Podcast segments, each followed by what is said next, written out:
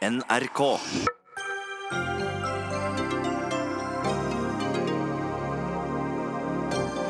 Norwegian vil kreve erstatning fra Boeing etter at selskapet måtte sette 18 fly på bakken, men det er langt fra sikkert at det vil føre frem. Er tigging en menneskerett? Ja, mener Unge Høyre. Nei, mener Bergen Høyre, som kaller tigging for en fattigdomsfelle.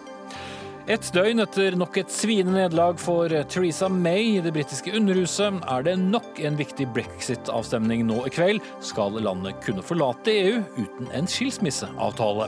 Og så var det universitetsprofessoren som brukte 500 000 på drosje og lot jobben betale. Møt hun som forsvarer det, og han som synes det hele er høyst problematisk.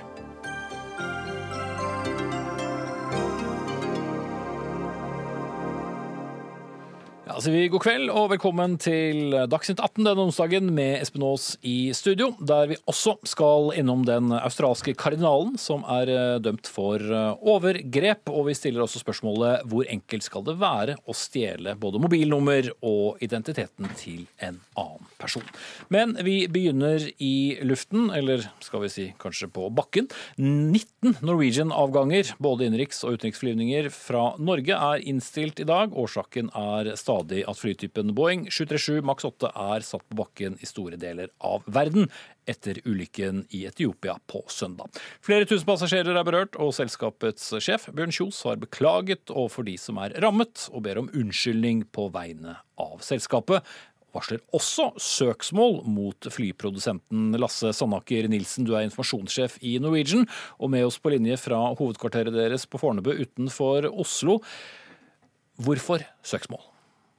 Nei, nå er det vel ikke snakk om søksmål. Det Bjørn Kjos har sagt, er at eh, det er helt unaturlig at, eh, at vi skal ta regninga for, eh, for ting som oppstår når man har kjøpt helt nye fly, og at det er en kostnad som flyprodusenten må ta. Det er det Bjørn har sagt i dag. Men dere krever en erstatning? Vi mener at vi ikke skal lide noe økonomisk tap som følge av dette. Mm. Hvordan går dere frem da? Nei, det, det, ønsker jeg ikke å gå i noen detaljer rundt. Vi har uh, tett dialog med Boeing, og den dialogen som, som, vi har med Boeing, den ønsker vi ikke å, å dele med offentligheten. Mm. Hva er nå status? Dere har altså hatt 19 uh, innstilte avganger i Norge eller, og, og, også mot utlandet i dag. Hvordan ser det ut for morgendagen? Nei, I morgen så ser det ut som vi må kansellere ti flyvninger. og Bare for å sette det i perspektiv. da, Vi har jo over 650 flyvninger om dagen. og eh, I Norge så eh, har man en gjennomsnittlig kansellerings, på over ti per dag. Hvis du tar alle flyvninger som alle flyselskaper har inn og ut av Norge så på en dag. sånn at eh, I det perspektivet så er jo dette veldig lite. Og Det som er veldig positivt, er at vi klarer å, å, sørge for at de passasjerene som uh, blir berørt av kanselleringene, får andre alternativer. og Det er vi veldig godt fornøyd med. Så det du sier uh, er uh, at dette blir relativt få som, som berøres i morgen? Det er helt riktig. Vi har jobba på spreng for å finne gode løsninger til de som blir berørt. Vi har booka om til andre avganger. Vi har omdisponert flåten vår. og dermed sørga for at uh, relativt få har blitt berørt av, av, situasjonen i dag og også i morgen.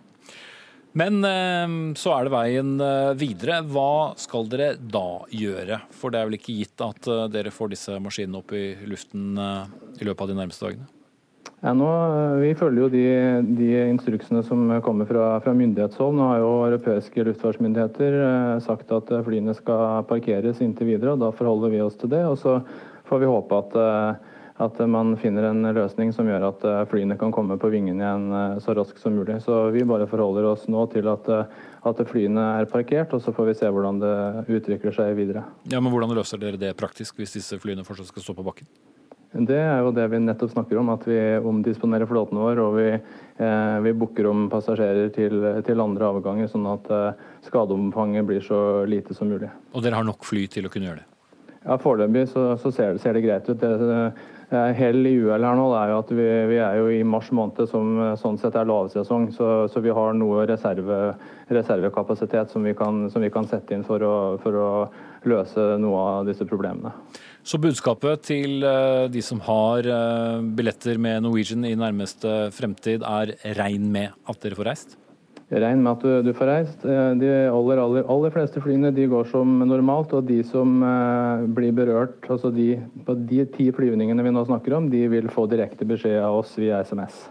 Til slutt, uh, rent økonomisk, hvordan går dette utover uh, Norwegian hvis dette skulle bli langvarig? Man har jo investert det man har i disse flyene som man ikke får brukt. Ja, altså Det har vi ikke eh, begynt å regne på nå. Nå har vi brukt eh, all den tida og alle de ressursene vi har til å finne løsninger for passasjerene. og Så eh, får vi komme tilbake til det etter hvert. Men som vi også har vært ute og sagt i dag, at vi forventer ikke at vi må ta regninga for, for det inntrufne. Men det kan bli dyrt? Det er for tidlig å si noe om. Da sier vi takk til deg, Lasse Sanker Nilsen. Du har nok å henge fingrene i. Cecilie Lange Becker, økonomikommentator her i eh, NRK. Eh, det er jo alltid ubeleilig eh, å sette fly på, på bakken, men kanskje passer det ekstra dårlig nå, eller? Ja, Norwegian har jo hatt et eh, veldig tøft år. Eh, Norwegian-sjef eh, Bjørn Kjos har jo selv sagt at det har vært et år preget av veldig store negative overraskelser. De hadde jo disse motorproblemene i sommer som førte til masse trøbbel og kanselleringer. Så bommet de jo på sikring av drivstoffprisene sine. Det tapte de flere milliarder på. De måtte legge ned ulønnsomme ruter. Så, så det har vært et veldig, veldig tøft år for dem. og det, nå jobber de veldig hardt med å få ned kostnadene. De har en stor gruppe ansatte som jobber nå døgnet rundt eh, nesten for å få ned kostnadene. Så dette kommer på toppen eh, av det hele. Det er jo klart at det er veldig uheldig for dem. Mm. Men er de godt nok rustet til å stå imot eh, det som skjer? De har jo som du sier vært i nyhetene for, for alle de gale grunnene mye gjennom den siste tiden. Altså, de har jo akkurat eh, fått inn 3 eh, milliarder kroner i eh, frisk kapital. Og som Sandaker Nilsen sier her, så har ikke de begynt å regne på det ennå hvor mye dette kommer til å koste. Det er en del meglerhus som har begynt å regne litt på det. Pareto bl.a. De har regnet med at det vil at, det vil koste, eller at de vil tape 110 millioner på, dersom disse flyene blir stående på bakken da, ut, eh, ut mars måned. Eh, så, så altså, det kan de jo på en måte bære, men man ser jo på børskursen. Eh, den har falt 10% siden denne nyheten om, om fly, denne flystyrten på søndag. Så markedet og aksjonærene er jo bekymret. Mm. Preben Rask-Olsen, du er jo analytiker i Carnegie. Hvor alvorlig mener du situasjonen er for Norwegian nå? Nei, det er som det blir sagt her. Det er jo fryktelig uheldig nok en gang å skulle havne i uvær, om man kan si det sånn. Eh, heldigvis hadde de allerede fått hentet penger, ellers hadde det vært enda verre. Men, men, de har nå i hvert fall fått en del penger inn på bok. Så sånn sett så er det til dels uh, heldig at det skjer nå. Uh, det andre er jo også, som det blir påpekt, at dette skjer i mars, som er en veldig, veldig svak måned for flyfart generelt. Så jeg tror jo ikke nødvendigvis det blir de største tapene hvis dette løser seg i løpet av en uke eller to. Men hvis de ikke gjør det, og Sandaker Nilsen vil for så vidt ikke snakke om eh, den langsiktige delen her, da kan det bli mer alvorlig. For det er mye penger bundet opp i disse flyene hvis de bare blir sånn på bakken. Det er voldsomt mye penger bundet opp i flyindustrien og i, i fly, uh, utvilsomt. Og vi nærmer oss påske. Påske er en kjempeviktig uke. Da må de leie inn uh, sannsynligvis dyre fly. Uh, når vi kommer ut i mai, juni og juli, så går vi inn i den desidert hektiske måneden og viktigste perioden for flyfart i Europa. Mm. Og bare for å stoppe deg litt Det er jo ikke bare Norwegian som har trøbbel. Så det å skulle leie fly nå er kanskje heller ingen enkel sak? Nei, den prisen vil nok mest sannsynlig gå opp. Det er helt riktig. Mm. Så dette blir dyrt. Og det eh, trenger vel heller ikke Norwegian eh, Longebekker? Nei, det er, jo, det er, jo, nettopp dette med kostnadene som de virkelig nå forsøker å, å trimme. Så, så få enda mer kostnader på toppen av det er jo, det er jo kjempeuheldig, selvfølgelig. Og så så X-faktoren her er jo hvor lenge kommer dette til å vare. Bjørn Kjos har jo vært ute og sagt at han ikke tror det kommer til å vare lenger. Men, men strengt tatt kanskje vanskelig for han også å vite hvor lenge det vil vare, ettersom verken, ja, ingen av luftfartsmyndighetene som har stengt ned luftrommet, har jo sagt hvor lenge det kommer til å vare. Nei, og litt av Problemet her er jo man vet jo ikke om det er noe galt med den flytypen. Man vet bare at det har vært ulykker med to uh, av denne uh. Og amerikanerne ser ut til å ha en litt annen eh, oppfatning, så om dette tar to dager eller to måneder, er vel helt umulig å si. Det kan virke sånn. Så vidt jeg har forstått, så sendte jo Boeing ut nye retningslinjer etter ulykken i Indonesia. Og når du hører på hva Norwegian sier, så hevder jo de å selvfølgelig ha fulgt dette. Det tror jeg helt sikkert de har gjort, og det har sikkert de aller fleste europeiske flyselskaper gjort. Eh, det kan jo fort hende dette er en menneskelig svikt i Etiopian Airlines. Men da er jo spørsmålet kan han kreve erstatning eh, fra en produsent hvis problemet ikke ligger hos dem? Det er i hvert fall ikke helt opplagt at han kommer til å, få, få, erstatning. Og det henger jo på det som du sier. Er det noe galt med flyet, eller er det menneskelig svikt, eller er det noe annet? Det kommer jo til å være avgjørende. Og så er det jo sånn at uh, disse kontraktene som er inngått mellom da Boeing og, og Norwegian, de, det er jo garantert et, et veldig stort uh, og omfattende avtaleverk der hvor det meste er gjennom, uh, gjennomregulert. Så, så, så det, er, det er det er ikke gitt at man får tilbake de pengene, selv om mm, vi har registrert at Norwegian har vært ganske sånn, eh, hva skal jeg si, høye og mørke på det, at de tror de kommer til å få igjen disse pengene. Mm. Det er jo litt påfallende også at de fløy jo til de ble tvunget til å ikke gjøre det lenger. Eh, jeg hadde en svigermor som ringte meg og lurte på om hun skulle fly en maks, for da ble hun hjemme. Og dette sprer seg ganske fort, allikevel valgte de å fly. Hva svarte du? Jeg sa at det er nok helt sikkert trygt, sa jeg. men, eh, men, ja, det er et problem. Eh, til slutt, altså eh, Aksjekursen til selskapet har, som Cecilie var eh, innom, fått seg en ja, skal vi si, buklanding eh, på børsen. Hvis det nå viser seg å ikke være problem med flytypen, kan verdien på, på selskapet stige raskt, eller, er eller er aksjonærer redde for at dette har kostet for mye? Eh, nei, hvis dette løser seg i løpet av eh, to, tre, fire dager og en uke, liten uke, så, så skal den børskursen komme litt opp igjen. Det skal den absolutt. Da sier takk til dere, eh, Preben Rask-Olsen fra Carnegie og Cecilie Langebekker, økonomikommentator her i NRK. Dagsnytt 18 alle hverdager kl 18.00 på NRK P2 og NRK2.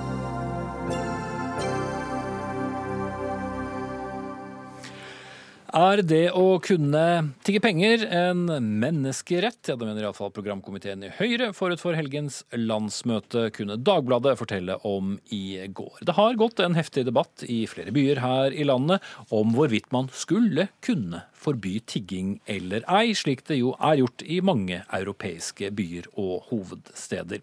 Og denne debatten har også foregått i Bergen, Marte Leirvåg, der du er tredjekandidat for eh, Høyre. Tenker du tigging som en menneskerett?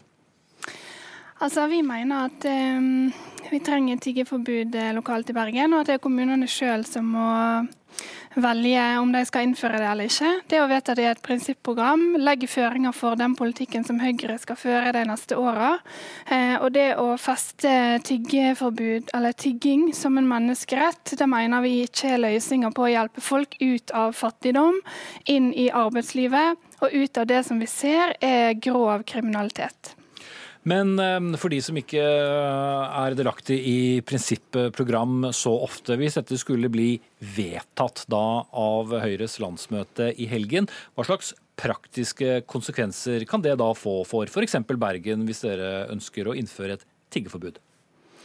Jeg tror Bergen, som alle andre kommuner, holder seg til prinsipprogrammet som førende for den politikken som Høyre skal utføre lokalt. og Derfor mener vi også at det å innskrenke kommunene sin selvråderett i disse spørsmålene Nå vet vi at det er kommuner som har større problem, sånn som Oslo og Bergen. De må ha muligheten til å innføre konkrete virkemidler for å få bukt med kriminalitet av denne forma. Mm.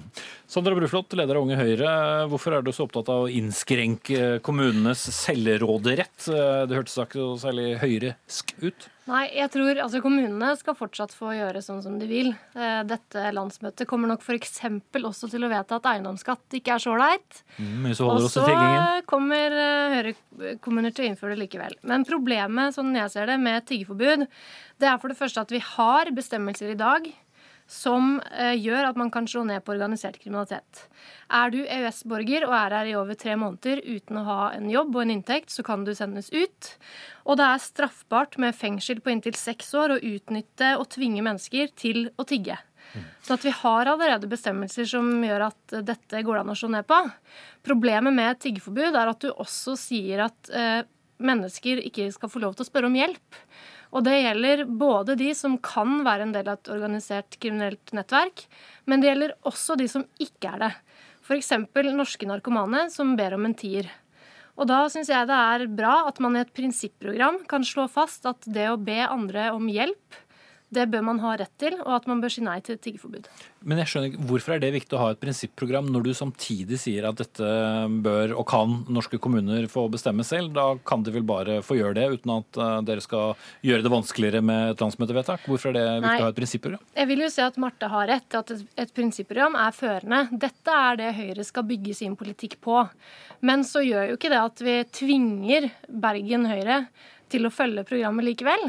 Men dette kommer til å være førende. Og vi mener det er viktig å ha det inn, både fordi ja, det vil være førende for lokalpolitikerne våre. De vil gå mot det vi har slått fast at det er Høyres prinsipper ved å vedta et tiggeforbud.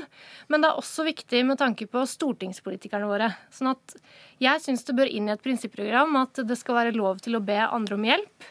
Jeg syns det ville vært veldig rart å ha inn i et prinsipprogram under kapitlet menneskeverd, som jeg tror det er nå, at eh, Bergen Høyre skal få bestemme dette selv. For det må de selvfølgelig få lov til. Men vårt prinsipprogram bør slå fast at det er lov å spørre andre om hjelp, også når det skjer i form av tigging. Mm. Eh, nå tror jeg vi må skille mellom disse to eh, sakene. Det å forby tygge, tygging er ikke det samme som å si at du ikke skal få lov til å be om hjelp. Og Når Sandra adresserer rusavhengige som en mulig eh, innlemmelse i det, så stemmer det jo ikke. Vi vet at politiet har også bedt om disse verktøyene i Bergen for å slå ned på nettopp organisert kriminalitet. Det er ingen som har kommet ut av fattigdom ved hjelp av tygging. Det er ingen som har fått skolegang. Det er ingen som har blitt en del av arbeidslivet ved tigging. Jeg mener at um, det å be om hjelp skal selvsagt fremdeles være lov. Vi uh, har et godt system som tar vare på de som trenger det aller mest. Uh, og det å fatte um, Eh, tigging som en menneskerett i et prinsipprogram, det mener vi innskrenker kommunene sin eh, rett til å bestemme over de lokale problemstillingene som vi f.eks. har sett i både Oslo og Bergen. Mm. Det finnes jo byer som f.eks. København som mener at dette har vært en veldig klok ting å gjøre, å forby tigging? Ja, mens Fafo-forskerne sier at selv om Danmark har innført et tiggeforbud, så har de likevel et minst like sterkt organisert kriminelt miljø knytta til narkotikasalg og knytta til prostitusjon. Sånn at eh, der, er de, der er man uenig, rett og slett. Noen vil si at dette har ikke noe å si. Og så er det sånn Narkotika er ikke lov. Prostitusjon er ikke lov. Menneskehandel er ikke lov. Tyveri er ikke lov. Sånn at alle de tingene man vil oppnå med tiggeforbud, nemlig å nå organiserte kriminelle nettverk, det er ikke lov allerede i dag. I Oslo så har man hatt domfellelser på menneskehandel der tigging var utnyttelsesformen. Sånn at man har allerede de tingene som man trenger for å slå ned på det. Problemet er bare at med et generelt forbud ja, så rammer du også de som ikke er en del av disse nettverkene. Og da kan man spørre seg selv hva er organisert tigging? Er er lik Oslo? Vil det være organisert tigging? Altså et magasin tigging? som uh, man kan selge på gaten? Ja. Vil det være organisert eh, tigging? Og i så fall, hva sier da Bergen Høyre f.eks.? Skal det fortsatt være lov Nå skjønner jeg at eller ikke Oslo ikke er kjemperelevant der, nei, nei, men skal men det, det, være lov? Men det er, er det men, men det er jo salg av et blad du selv har betalt en viss uh, sum for. Det er, det er vel ikke noe du sidestille med tigging? Nei, ikke i mitt hode. Det er det absolutt ikke. Men jeg sliter med å forstå hvordan man skal håndheve et forbud mot f.eks. For organisert tigging. Fordi at eh, Et eksempel som kom opp sist, var disse Folk er folk-bladene. Hvordan, som altså, rumenere, som rumenere selger. Eller romfolk. Eller rom, ja.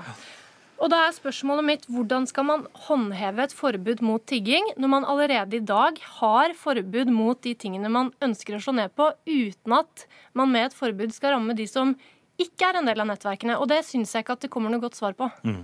Da skal du forsøke å få svar på det til slutt, Lærvåg.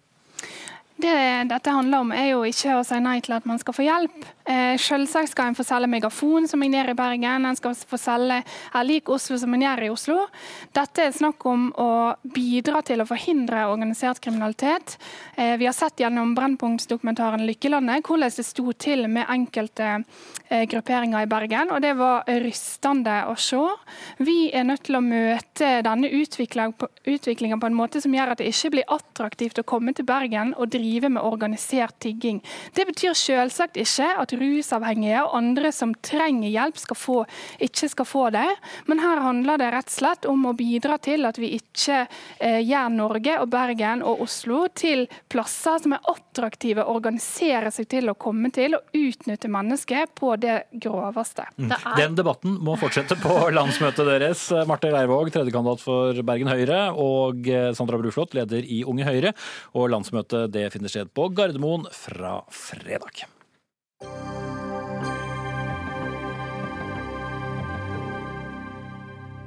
Ganske nøyaktig et døgn etter at eh, Storbritannias statsminister Theresa May slukøret led sitt andre store nederlag i Underhuset med sin skilsmisseavtale med EU, så er det sannelig duket for enda en avstemning. Klokken 20 i kveld norsk tid skal nemlig de samme folkevalgte ta stilling til om Storbritannia kan forlate EU uten en skilsmisseavtale ved midnatt 29. mars.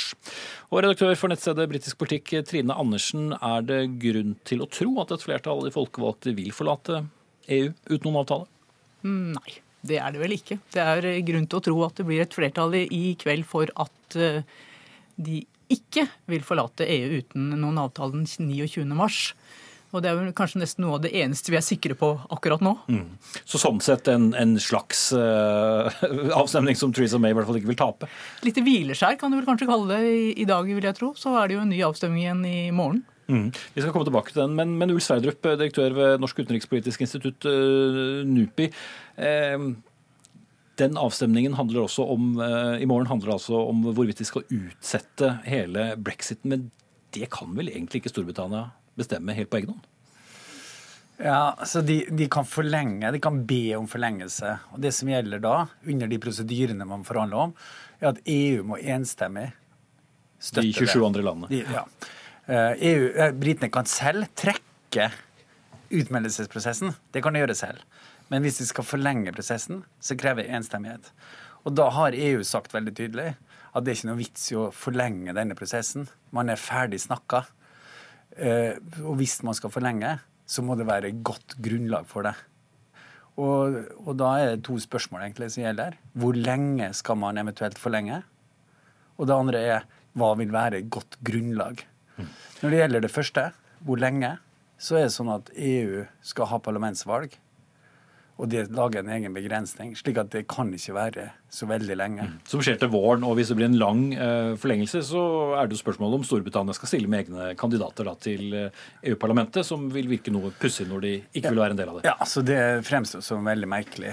Så det andre, så derfor så er, er egentlig det kommer det til å koke ned til, er hva er nytt britene kommer til å frembringe for å si at det er grunnlag for forlengelse. Og da har EU sagt ganske tydelig at det må være en slags De må avklare hva de vil.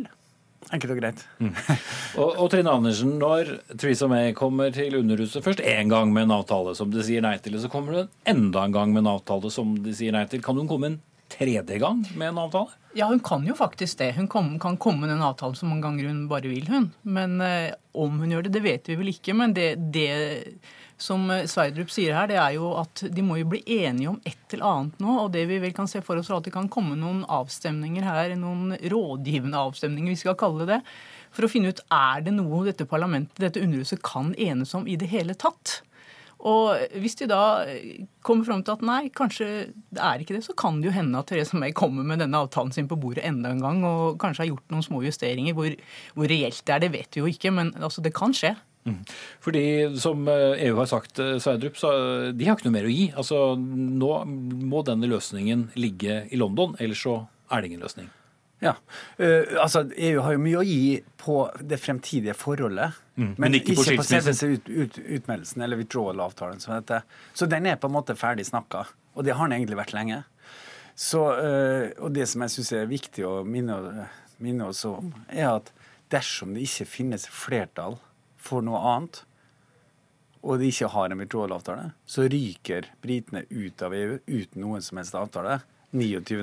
mars klokka 11 på kvelden. Og det er bare litt over to uker til. Eh, veldig, veldig kort tid. Eh, og det eneste vi vet, er at eh, et flertall i Underhuset er imot alle forslag som så langt har kommet. Men hvis de da snubler ut av EU uten noen avtale, hva praktisk betyr det? Ja, Da er man jo inne i et område som aldri noen har vært i før. Eh, så det som er da, da er man inne i et slags politisk og rettslig og regulatorisk vakuum. Det betyr at alle de reglene som regulerer forholdet mellom EU og Storbritannia i dag, slutter å opphøre. Det finnes ingen regulatorisk myndighet i Storbritannia som kan regulere. Og eh, i tillegg så må vi være tippe at tillitsforholdet mellom Europa og Storbritannia også eh, kompliseres. Så jeg tror det blir en økonomisk, politisk, konstitusjonell og regulatorisk veldig dyp eh, krise. Eh, og det gjelder alle mulige områder i samfunnet. Fordi at EUs regelverk regulerer det aller meste. Og har gjort det i 40 år. Ja. Og så kan man si at selvsagt både på EU-siden og i Storbritannia så har man planlagt for ok, hvordan kan man redusere den risikoen på best mulig måte. Det er titusener i Storbritannia som jobber for dette hver dag, for å redusere den risikoen. Tilsvarende på EU-siden. Og man, Ifølge britiske myndigheter har man allerede brukt 4 milliarder pund, altså 40 milliarder kroner, på, på å redusere risikoen av en sånn no deal. Eh, men den er jo likevel reell. Men det som jeg tror er det viktigste spørsmålet, er man må stille seg Er det britiske parlamentet, slik det ser ut i dag, i stand til også, dersom man kommer i det uføret, no deal, til å ta tiltak som kom, bringer seg ut av det utføret? Og jeg er faktisk uh, usikker på det. Mm. Den handlekraften er veldig svak. Og Trine Andersen, er da statsminister Theresa May en kvinne som med æren i behold skal kunne lede en regjering videre, når alt hun egentlig har forsøkt, er blitt forkastet, og det eneste som skjer, er det hun har vært mest imot, nemlig en no deal eller ingen avtale? Ja, Det er jo et veldig godt spørsmål. og Det du kanskje spør om er kommer vi til å se en ny statsminister i Storbritannia om ganske kort tid. Det er det vel ingen som kan svare på i dag. og Det viser seg jo at Therese May hun, hun ville jo under normale omstendigheter så ville hun ha trukket seg i januar ikke sant, når hun gikk på et knusende nederlag første gangen denne avtalen hennes bestemte over. I normale tider ville jo en statsminister ha gjort det, og, og, og likedan i går. Men det er jo ikke normale tider i britisk politikk, så jeg tror i hvert fall ikke at hun kommer til å trekke seg før den 29. mars. Jeg tror nok at hun vil fullføre det prosjektet hun har satt seg fore, nemlig å bringe Storbritannia ut av EU. Og det står jo heller ingen sånn tydelig samlende kandidat der og venter, da. Hvis det hadde gjort det, så, så, hadde det vært litt enklere også for det konservative partiet å vite hva de skulle gjøre akkurat nå. Mm. Det er lettere å overta når man eh, ser eh, skadeomfanget, eh, kanskje.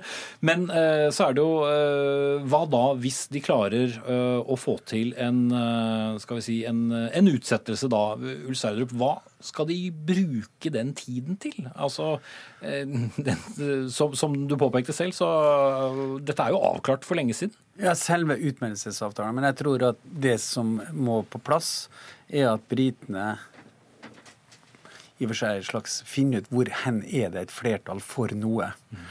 Eh, og, det, og, da har man noen alternativ. Ja, for, for Labour, som er et stort parti, har jo sagt at uh, vi er med hvis uh, vi kan diskutere tollunion, en slags uh, Norge-avtale. Så er paradokset her at alt dette bråket faktisk kan flytte, denne avtale, kan flytte Storbritannia nærmere EU enn det forslaget som ligger der ja, i dag? Ja, så du kan si at det, det som er blitt tydelig nå, er at det egentlig sannsynlighet for at det går ut uten noen avtale, har økt. Og samtidig sannsynligheten for at vi går ut med noe som jeg ville si ligner på Norge, har økt. Så begge deler. Så de andre alternativene er mer borte. Altså, tilbake til det du spurte om først. Jeg tror det som skjer nå, er at dersom man bestemmer seg for å søke utsettelse, så vil man måtte tenke ok, hvilken vei skal man gå? Og da er tre-fire alternativ. Det ene er å si la oss gå for en ny folkeavstemning, men det vil ikke få noe flertall. Det andre er å gå i retning av det Corbyn sier, en tollunion. Det vil heller ikke få noe flertall. Og da er spørsmålet hvor hen finnes dette flertallet? Og da er ganske mange i Storbritannia i dag som snakker om at ok, et sånn Norway Plus er kanskje ikke det verste. Mm. Ikke for en som en permanent løsning, men må si at ok, det kan vi være i i en tid. Og, og hvis man sender det signalet og blir enige om at det er den veien man ønsker å gå, ja, da vil man også akseptere withdrawal-avtalen. Mm. Utrolig spennende. Klokka 20 i kveld er det altså avstemning igjen i Underhuset. Vi har en ekstrasending på søsterkanalen vår NRK3. Begynner 1955. Følg oss eh, gjerne der, så får du resultatet av den folkeavstemningen, som nok eh, altså faller i Theresa Mays eh, favør. Takk til Ulf Sverdrup fra NUPI og Trine Andersen fra Britisk politikk.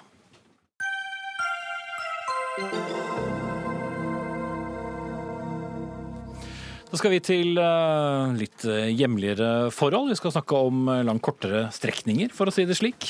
For over en halv million i drosjeutgifter, det er ifølge VG beløpet en professor har fakturert Universitetet i Oslo for, bl.a. for turer mellom universitetet og hans hjem noen få kilometer unna.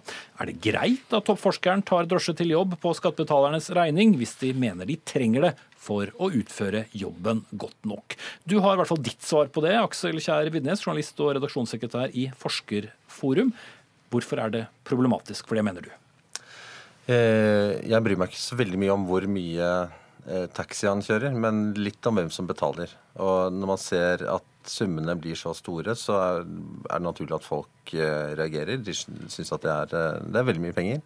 Eh, og når det i tillegg er skattebetalerpenger, så har folk grunn til å reagere. Eh, og det syns jeg folk eh, Det må de gjerne gjøre. Når, når universitetet trenger å, å ha tillit i befolkningen, Eh, de, eh, de, trenger at folk stoler på at eh, de bruker skattepengene på en ordentlig måte. For vi har ikke alltid innsikt i hva de driver med. Og når vi da får høre at nei, her er det en fyr som kjører 1300 taxiturer på to år og åtte måneder, så da går det litt over styr. Mm. I intervjuet i VG så begrunner han dette med at dette var noe han måtte. Han måtte bevege seg mye rundt, og dette var nødvendig, i hvert fall en god del av turene, for at han skulle utføre jobben. Og hvis han da utfører jobben godt nok? Er ikke det bare da noe arbeidsgiver tenker at de bør betale? Ja, Han sier også at uh, han skal betale noe av dette tilbake, fordi også han skjønner at uh, her uh, har det gått litt over styr. da. Når han tar taxi fra Frogner, hvor han bor, til kontoret sitt på Blindern. hvem som helst andre ville spasert eller tatt bussen. og Jeg skjønner at det kan ta litt lengre tid. Eh, han er en veldig viktig mann. Det er ingen som uh, lurer på at om jo, men så går på bare ja. selve begrunnelsen. Eh, det er riktig at han har sagt at han skal betale tilbake noen av pengene, men mm. han begrunner også at det har vært riktig bl.a. fordi han jobbet bedre i baksetet på en drosje enn han kunne gjort på trikk eller buss. Men syns du det er en begrunnelse god nok? Eh, det kan godt hende at han, eh, han, opplever det, men det jeg er opptatt av, er, er hvordan er det dette oppfattes av andre. Og det, det, ser man jo veldig tydelig på kommentarfeltene, både på den saken som VG skrev, og på de sakene som vi har skrevet i Forskerforum. Så ser man at reaksjonen på dette her er at folk klarer ikke å begripe at det er mulig å bruke så mye penger. Og grunnen til at folk reagerer, er fordi dette her er skattepenger. Uh, og det skjønner jeg at folk reagerer på. Mm. Elin Ørasæter, førstelektor ved Høgskolen Kristiania. Du har forsvart bruk av uh, drosjepenger, du. Hvorfor?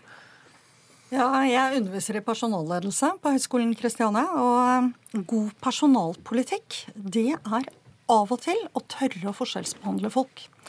Hvis det fins en shortlist på mulige nobelprisvinnere eh, som jobber i Norge, så er denne mannen på denne shortlisten. Jeg må bare avbryte deg veldig kort og, og, si Vi har snakket med professoren i dag, inviterte ham hit. Mm. Han hadde ikke muligheten til å stille, men syntes heller også at det var helt OK at eh, vi mm. diskuterte det hvis noen skulle lure på det. Men nå kan du ja, fortsette. Han oppgir jo selv at han har rundt 90 timers arbeidsuke.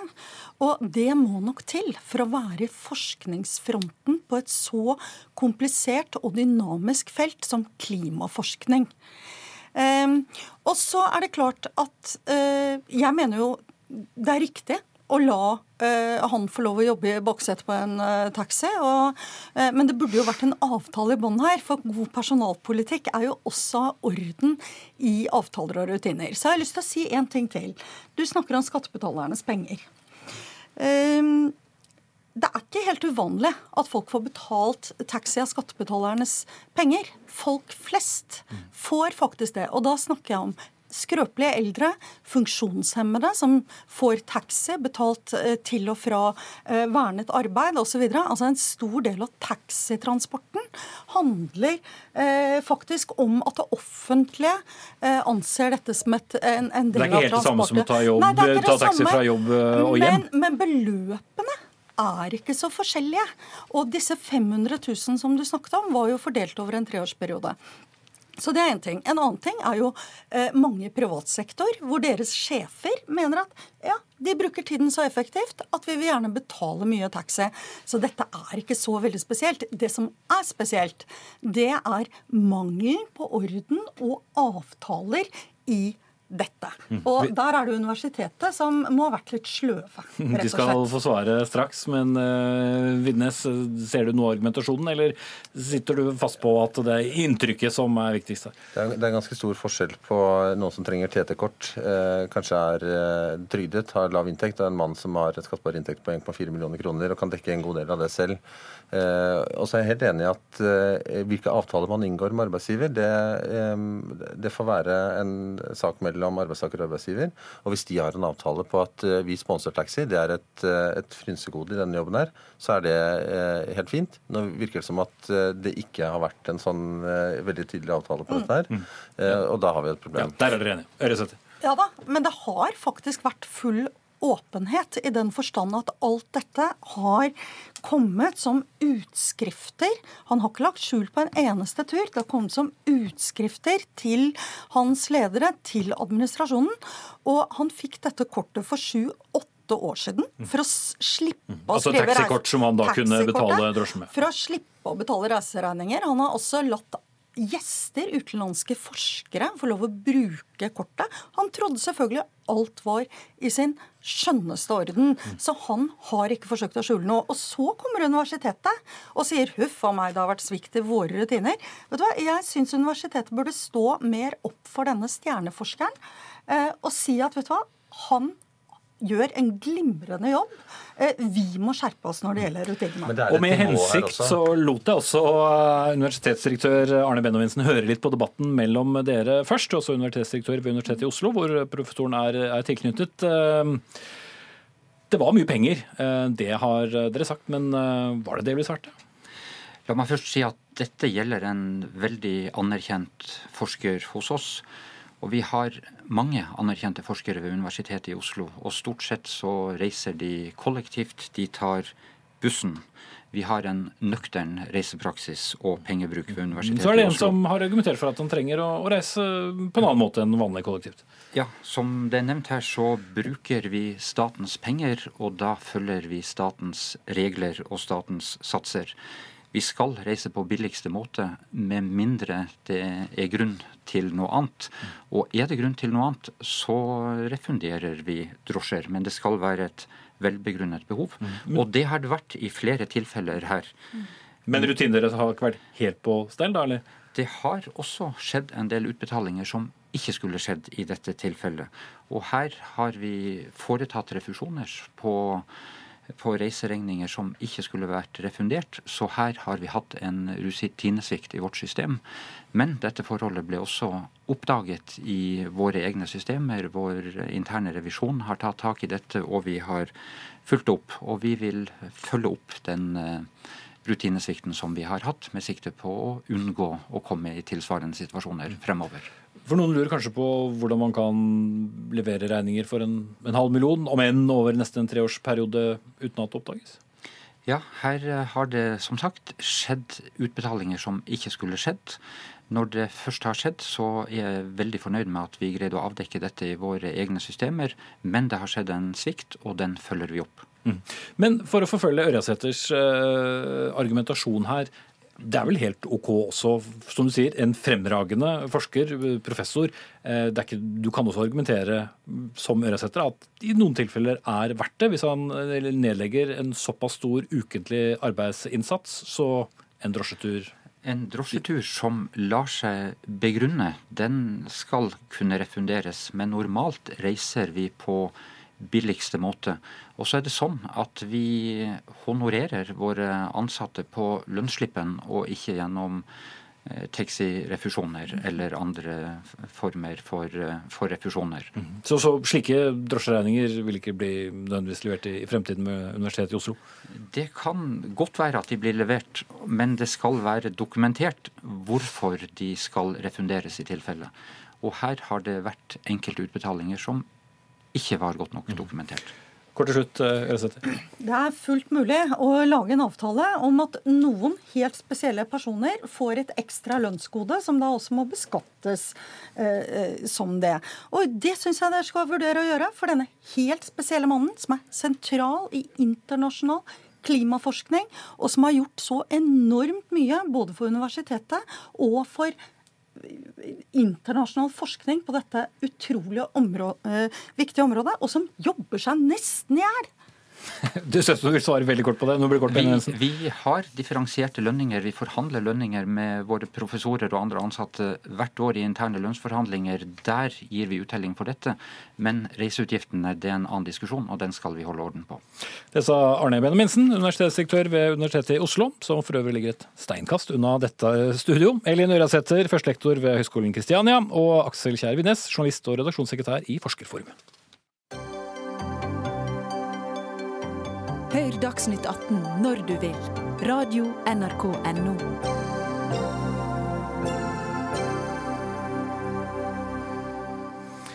Da skal vi for så vidt vende tilbake til et tema vi hadde her i Dagsnytt 18 for noen uker siden. Det er for så vidt ikke sjelden at det skjer, men det handler om den katolske kirken. Og den australske kardinalen George Pell, som er dømt til seks år i fengsel for seksuelt misbruk av to mindreårige gutter på 90-tallet. Han er den øverste i den katolske kirken som er blitt funnet skyldig og dømt for denne typen kriminalitet i et sivilt rettssystem. Pell er også en av pave Francis' nærmeste rådgivere. Og Janne Skjoldli, førstelektor i religionsvitenskap ved Universitetet i Oslo. Hvis vi skal forsøke å plassere George Pell, hvem er han?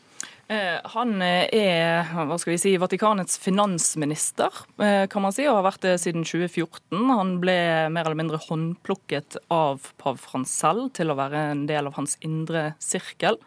Og han er den mektigste katolikken i Australia, og har vært den mektigste katolikken, eller den tredje mektigste katolikken globalt. Mm. Mm. Så denne domfellelsen, et så lite jordskjelv? Eh, absolutt. Eh, ikke minst pga. at han er en eh, veldig profilert eh, mediefigur, også særlig i Australia. Eh, han har deltatt veldig mye på TV-programmer, debatter, eh, radio osv. i diverse saker. han har også mm, en litt sånn Han har vært litt sånn tvetydig i forhold til hvordan man på en måte skal etablere nye og bedre rutiner for å, og prosedyrer for å håndtere saker som kommer opp. Um, og eh, på den ene siden da så har han til tider bagatellisert noen saker, og på andre tidspunkt så har han erklært veldig sterk støtte til, og til og med møtt eh, overgrepsofre. Mm. Mm. Turid Skorpe Landem, du er daglig leder i Kirkens ressurssenter mot vold og seksuelle overgrep. Hva får denne dommen å si for eh, varslere og ofre, som du har vært en rekke av både i den katolske kirken og, og i andre? Det er svært viktig, eh, og det er viktig fordi at eh, nå får de troverdighet. Altså Folk i posisjon har jo ofte det har full troverdighet med det å ha posisjon. Og nå er det et tydelig signal om at eh, nå er du ikke beskytta av posisjonen din. Det er rett og slett ikke noe du kan gjemme deg bak. Eh, og Derfor så eh, er dette en dom som er viktig, og det er òg viktig det som eh, dommeren i fall er sitert på i norsk media, som, som jo gir ofrene troverdighet, og som avkler den som man skulle tro var troverdig, sin troverdighet. Kan det også bety at det gjør det lettere å, for andre å stå frem med sine historier, eller varsle om tilfeller de kjenner til? Vi vet at det er krevende å varsle og stå fram. så Derfor så er vi nødt til å gi støtte, både som samfunn og som kirke, på at vi tar ofrene på alvor. At vi ønsker åpenhet, og at vi òg vet hvordan vi håndterer åpenhet på en god måte. Eh, for det er, det er en sårbar posisjon å ha. Eh, det er jo ikke sånn at overgripere framstår som monstre. Vi har tillit til dem. Det kan være veldig hyggelige folk. Eh, det kan hende vi har interesse av å holde oss inne med folk i ulike posisjoner. og Alt dette gjør det vanskelig og krevende å stå fram som offer. Mhm. Det du gjorde var så motbydelig at det er vanskelig å forestille seg at du kan ha hatt nytelse av det, sa dommeren under denne eh, straffeutmålingen. Veldig sterke ord, eh, Skjoldi. Kan det få noen betydning for Vatikanet som sånn? Eh, for Vatikanet, ja absolutt. Altså, de mister jo, eh, På den ene siden så kan man si at de mister jo da finansministeren sin, eh, men han hadde uansett en, hva skal vi si, en utløpsdato på den som skulle gå ut i august. Men det som, det som er, særlig selvfølgelig Hva skal vi si Det som skaper dette jordskjelvet, det er jo nettopp det at det er pave Frans selv som har utlevert kardinal Pell til sivile myndigheter. Og det signaliserer eh, For tidligere så har man også hatt, har man hatt kirkelige myndigheter, kirkelige rettssaker, hvor man har fratatt kardinal McCarrick f.eks. i USA ble fratatt sin prestetjeneste tidligere. Og nå, det å overlevere igjen til sivile myndigheter, det er noe som, som signaliserer en Eh, en endring tilbake igjen til at man anerkjenner sivile myndigheter som en rettmessig makthaver overfor eh, kirkelige eh, hva skal vi si, ansatte eller tjenestemenn. Mm. Mm. Og sender et signal om at man ikke lenger bare beskytter sine egne, slik det har vært mange beskyldninger på i fortiden. Mm. Ja, og det er viktig. Altså, og, og, vi er jo en del av samfunnet. Og, og, og det at det, det, tidligere har vært eh, en, si, en kultur for å rett og slett dekke over, omplassere, løse det internt osv. Det er jo dette et sterkt signal om at mm. Eh, det er det ikke. Eh, og heller ikke Kirka kan være bekjent av det. Og så vil jeg gjerne legge til at det betyr ikke at um, at vi er nødt for å vente på rettskraftige dommer eller andre ting før vi må håndtere sakene. For det kan være saker som ikke vil nå rettsvesenet på ulikt vis, og likevel så er Kirken helt nødt for å håndtere de både på etisk forsvarlig og menneskelig forsvarlig. Mm. Iallfall eh, litt av et kapittel i historien om den eh, katolske kirken, og mm. hvor nært altså til toppen disse mm. overgrepene har foregått. Takk skal eh, begge dere ha. Turid Skorpe Landheim, daglig leder i Kirkens ressurssenter mot vold og seksuelle overgrep, og Janne Skjoldli, førstelektor i religionsvitenskap ved Universitetet i Oslo.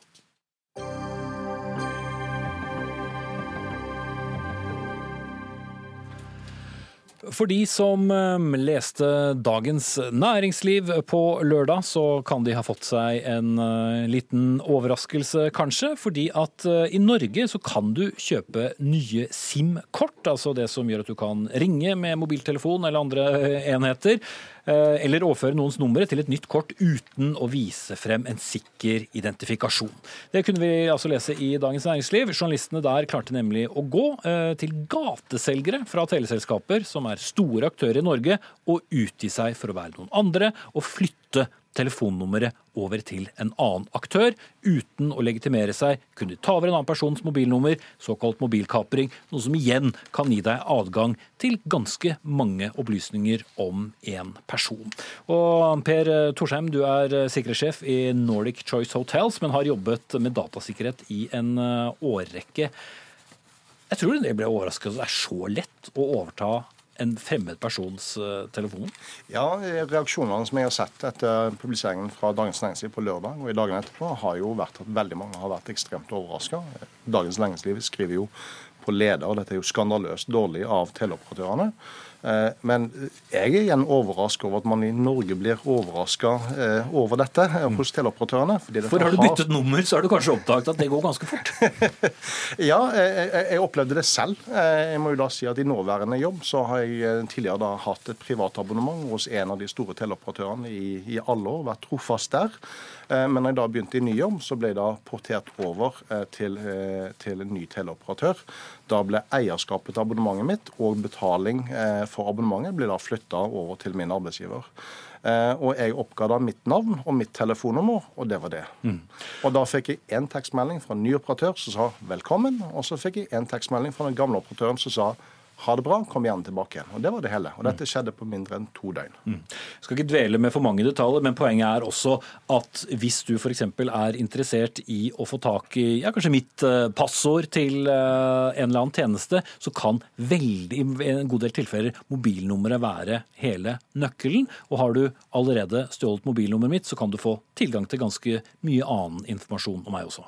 Det er helt riktig. og Konteksten her er jo det at det ene det er jo eh, litt viktigere kanskje å påpeke at for den helt vanlige nordmann ute i gata, så skal man ikke være overvettes bekymra for dette her. Men vi vil også da få høre at dette ikke er noe stort problem i Norge i dag. Men den interessante konteksten kom inn i forbindelse med finansielle angrep, hvor man vil ha adgang på store penger. Eller en enda mer interessant kontekst, det blir en politisk kontekst. Hva om vi kan overta Facebook, Twitter og Instagram-kontoen til kjente kanskje eh, eh, politikere som er spesielt utpekt, to dager før valget og legge ut en melding som da framstår som ekte, men som er falsk. Mm. Og det holder med et mobilnummer. Jan Bøhler, du er stortingsrepresentant for eh, Arbeiderpartiet. og Det handler jo ikke bare om mobilkapring. I går stilte ditt parti et forslag i Stortinget om at det burde utspeiles et forbud mot salg av disse SIM-kortene uten identitet, fordi man kan da kjøpe dem og bruke dem i, i, andre kriminelle sammenhenger. Men hva slags identifisering mener dere man da burde kunne gi for enten å kjøpe et SIM-kort i, i, kiosken eller uh, å skifte mobiloperatør? Det er jo det samme som uh, ligger i ekomloven og som vi snakker om her, altså entydig identifisering. Hva som ligger i det.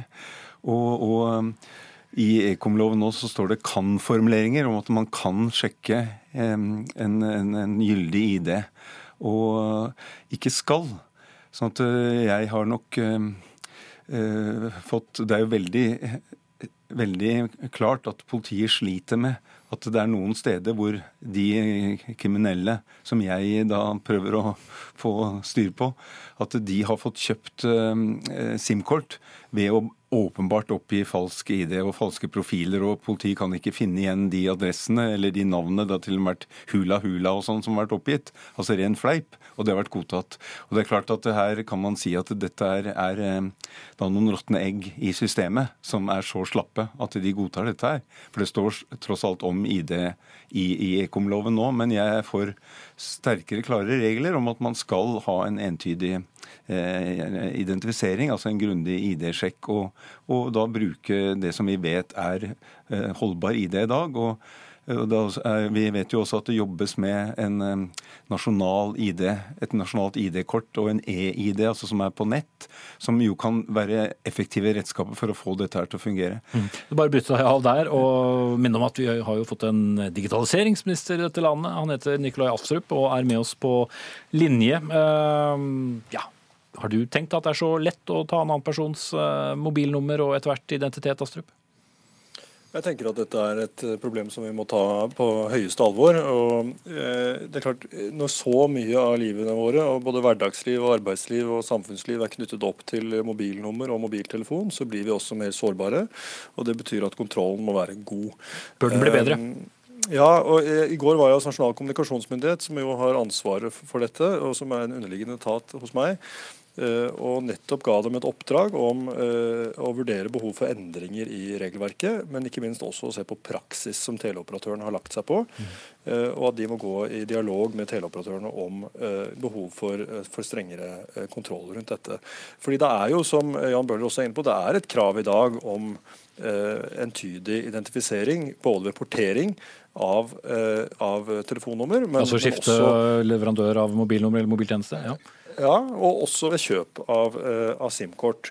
Men det følges åpenbart ikke opp i praksis. Og Det viser jo Dagens Næringsliv sin sak, at uh, her har teleoperatørene en, en, uh, noe å rydde opp i. Fordi det er åpenbart slik at praksis ikke følger lovens krav. Så jeg har både bedt om at vi skal nå se om lovverket er godt nok, eller regelverket er godt nok, eller om det er behov for å stramme det inn. Men også at ikke minst at det regelverket vi har, faktisk følges. Mm. Hanne Tange Nilsen, du er sikkerhetssjef i eh, Telenor. Er eh, regelverket godt nok, og det er operatørene som eh, svikter, eller? Det kanskje er en kombinasjon. Noen ganger så kan jo et regelverk være tydeligere. Og skal er kanskje bedre enn kan når det gjelder det å verifisere ID. Og så er det klart at vi som operatører har et ansvar. Og vi må jobbe kontinuerlig med å forbedre prosessene våre. Hvor også sikkerhet og verifikasjon er en del av prosessen. Og Der jobber vi nok litt ulikt som operatører og kan ha fordel av å se mer på tvers. Eh, hvordan vi kan styrke oss da, og gjøre ting mer likt. Eh, for det er helt klart at vi gjør ting ulikt. Så du er for en samkjøring av regelverk for alle? tilbydere av mobiltjenester. Også de som stopper deg på gaten og sier vil du heller ha mobiltjenester av oss? Jeg vil ha et uh, funksjonelt regelverk sånn som vi har i dag, som, men som er tydelig nok til at uh, der det hvor det bør være skal, så bør det være skal. Men at uh, ikke løsningene blir tredd nedover huet på oss. For vi må rett og slett ha ansvaret for å utvikle løsningene selv. hvordan vi understøtter kundeservice, hvordan vi understøtter forhandlerne osv. Men dette er jo et problem vi jobber med kontinuerlig, og det har jo vært en utvikling over tid. Ja, vi har fortsatt noen operatører som kanskje er svakere på håndteringen, og så har vi noen som er sterkere. Og så har du det aspektet som går på å ha manuell håndtering. altså man har mennesker også som del av verdikjeden. Og, og mennesker kan man manipulere, eller mennesker kan la være å følge en rutine. Og så er det også mange ting som skjer i prosessen. Du sa hei og velkommen og, og, og som, som, eneste, og det er jo ikke helt riktig. For det, det ligger også eh, meldinger og varslinger når vi porterer, som sier nå skjer det en portering. Er du klar over den porteringen? Eh, og du kan altså stoppe porteringen. Mm. Eh, vi går ikke inn i alle detaljene, men jeg kan stille et enkelt ja-nei-spørsmål. Ja. I den grad noen noensinne svarer ja eller nei her. Men er det for lett å eh, skifte teleoperatør eller få et SIM-kort under falskt navn? Jeg kan bare svare på vegne av eh, Telenor Norge. Og det er ikke lett å skifte. Det er det ikke. Men det skal være enkelt for kunden å gjøre det. Men selvfølgelig så skal vi ha sikkerhetssjekk på plass. Mm. Mm. Eh, Astrup, jeg vet ikke, kan du konkret se for deg eh, noe som eh, ville beroliget eh, de som har latt seg eh, skremme av disse oppslagene? Altså, det er jo mange måter å, å heve sikkerheten rundt uh, dette på. Uh, F.eks. så kunne man bruke bank-ID ved portering av telefonnummer. Uh, dette er jo noe som jeg da forventer at Nasjonal kommunikasjonsmyndighet vil, vil, komme tilbake til meg på, om det kan være en aktuell løsning. Men så er jeg ikke enig med det Telenor sier, at eh, liksom regelverket er litt flytende her. Det er ganske tydelig fra ekomlovens paragraf 210 at eh, tilbydere av offentlig telefontjeneste som Telenor skal ved inngåelse, endring eller opphør av avtalen sikre at sluttbruker er entydig identifisert. Og at tilbyderen skal kunne dokumentere den identitetskontrollen. Så her er det det er ganske tydelig hvilke krav som ligger, men det er også veldig tydelig at det ikke følges opp i praksis. Og jeg har jo selv endret eh, telefonoperatør fra, eh, fra eh, en leverandør til en annen i forbindelse med at jeg byttet eh, jobb for eh, drøyt år siden. Og ble ikke bedt om å identifisere meg overhodet. Mm. Slik at det er åpenbart noe med praksis til selskapene her som ikke er god nok. Mm. Veldig kort på det, Nilsen. Nei, eh, når jeg sa kan og skal, så var det rett og slett der hvor det må presiseres og var en henvisning til Bøhler. Eh, men det er klart at vi følger jo opp på praksisen hele tiden, og den må vi følge opp på hele tiden. Og det er mennesker involverte, og det er, og det er i både i kundeservice og det er eh, ute hos forhandlerne, og det er ute på gata. Så det er jo vår jobb å følge opp på. Men Bøhler, ut fra det lille du har fått høre her, er det nok til at du føler vi er på vei i riktig retning? Jeg eh, er jo sikker på at det ikke er noe uenighet om uh, poenget her. At vi skal, må ha en sikker identifisering. Ja, jeg, jeg, altså Dagens Næringsliv skriver jo om veileder fra Nasjonal kommunikasjonsmyndighet og sånn, hvor det står 'kan'. da. Og det er det jeg viser til uh, det, uh, når jeg vil at det skal stå 'skal'. Mm. Og der er jo Telenor også enig med deg. Ja, ja. Så det mener jeg at vi kan at vi bør absolutt endre på. Om det er nødvendig at Stortinget også sier ifra, så har vi i hvert fall sagt ifra et forslag nå som gir en retning på at det skal være en grundig identifisering. Mm. Eh, tiden løper litt fra oss. Jeg vil ha inn deg også til slutt, eh, Torsheim. Det er vel fare for at det kanskje kan gå for langt òg? Ja, det kan bli for langt. og det er klart eh, Sikkerhet eh, betyr ikke nødvendigvis god brukervennlighet, og det skal være en balanse mellom de to. Men eh, Dagens Næringsliv har publisert en video som viser at de på mindre enn tre minutter klarer å skaffe seg, eh, overta identiteten til en annen person. Da er det for enkelt. Eh, vi har også, eh, jeg har også undersøkt med Nkom tidligere og da fått til svar at Nkom sitter ikke i dag og verken krever eller får inn tall fra teleoperatørene på forsøk eller vellykka eh, kapring av andres telefoner. Så når jeg da i min jobb skal gjøre en risikovurdering, så sitter jeg i det blå. Jeg vet ikke om dette er et problem i Norge, og jeg får ikke svar fra teleoperatør. Nkom har ikke oversikt. Og hva skal jeg gjøre da? Mm. Og jeg hater å gå ut av denne sendingen med så mye usikkerhet, men eh, klokken den går. Men eh, det viser i hvert fall at det er mye usikkerhet på dette området. Jeg sier takk til stortingsrepresentant Jan Bøhler fra Arbeiderpartiet, Per Torsheim, sikkerhetssjef i Nordic Choice Hotels, Hanne Tange Nilsen, sikkerhetssjef i Telenor, og digitaliseringsminister Nikolai Astrup fra Høyre. Ansvarlig for denne sendingen det var Fredrik Lauritzen. Erik Sandbråten tok seg av det tekniske. Jeg heter Espen Aas.